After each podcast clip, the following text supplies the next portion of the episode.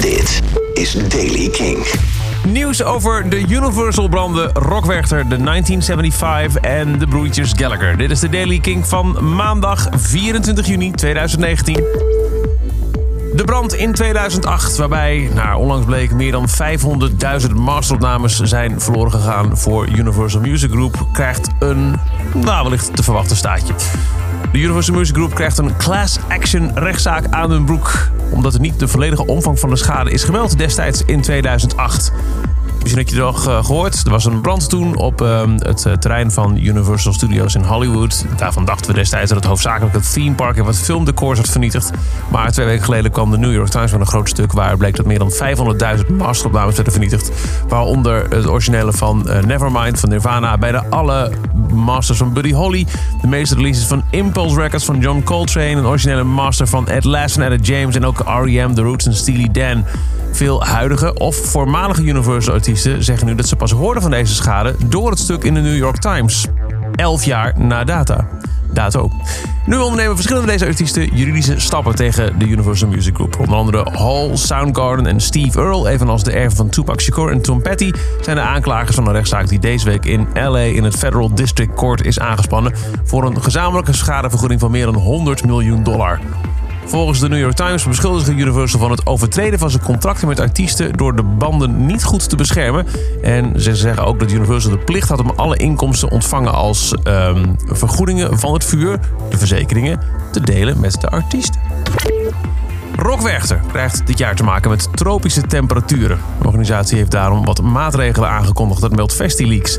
Het festival zorgt voor voldoende gratis water. Ook is het dit jaar toegestaan een lege drinkfles mee te nemen, zodat bezoekers die kunnen vullen met water. En er worden ook vernevelingssystemen en verfrissingspunten geplaatst om verkoeling te bieden.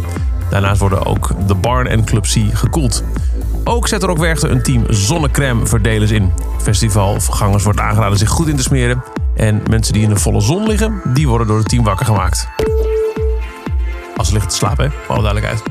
Matt Healy van de 1975 heeft al eerder wat details losgelaten over het nieuwe album. Het zou snel komen. Nu heeft ook de baas van Dirty Head Records, Jamie Oborn, wat meer bekendgemaakt. Hij zegt dat het album zeker voor het Reading and Leeds Festival uit gaat komen.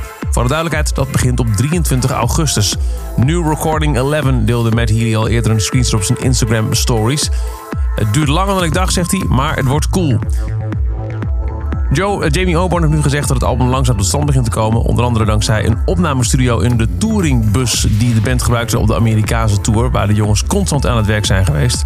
Of het een dubbelalbum wordt, dat weet ik niet. Het wordt wel een lang album, zegt hij uh, desgevraagd. Maar ik kan nu onmogelijk al zeggen of het een dubbelalbum wordt. Dat is een beslissing die pas genomen worden zodra alles is voltooid. Dan weer een laatste update uit de familieperikelen van de broertjes Gallagher.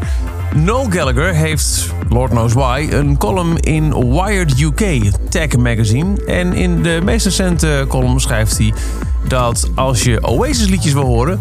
dan kun je terecht in een, bij een dikke man in een anorak. Daarmee doelt hij inderdaad op uh, zijn broer Liam...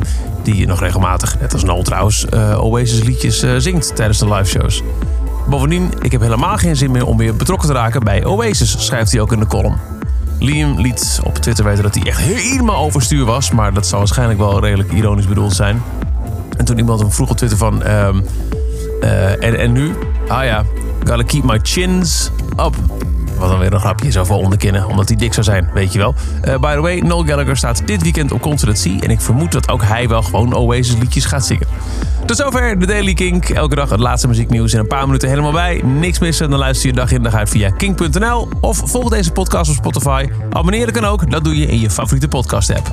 Elke dag het laatste muzieknieuws en de belangrijkste releases in de Daily Kink. Check hem op kink.nl of vraag om Daily Kink aan je smart speaker.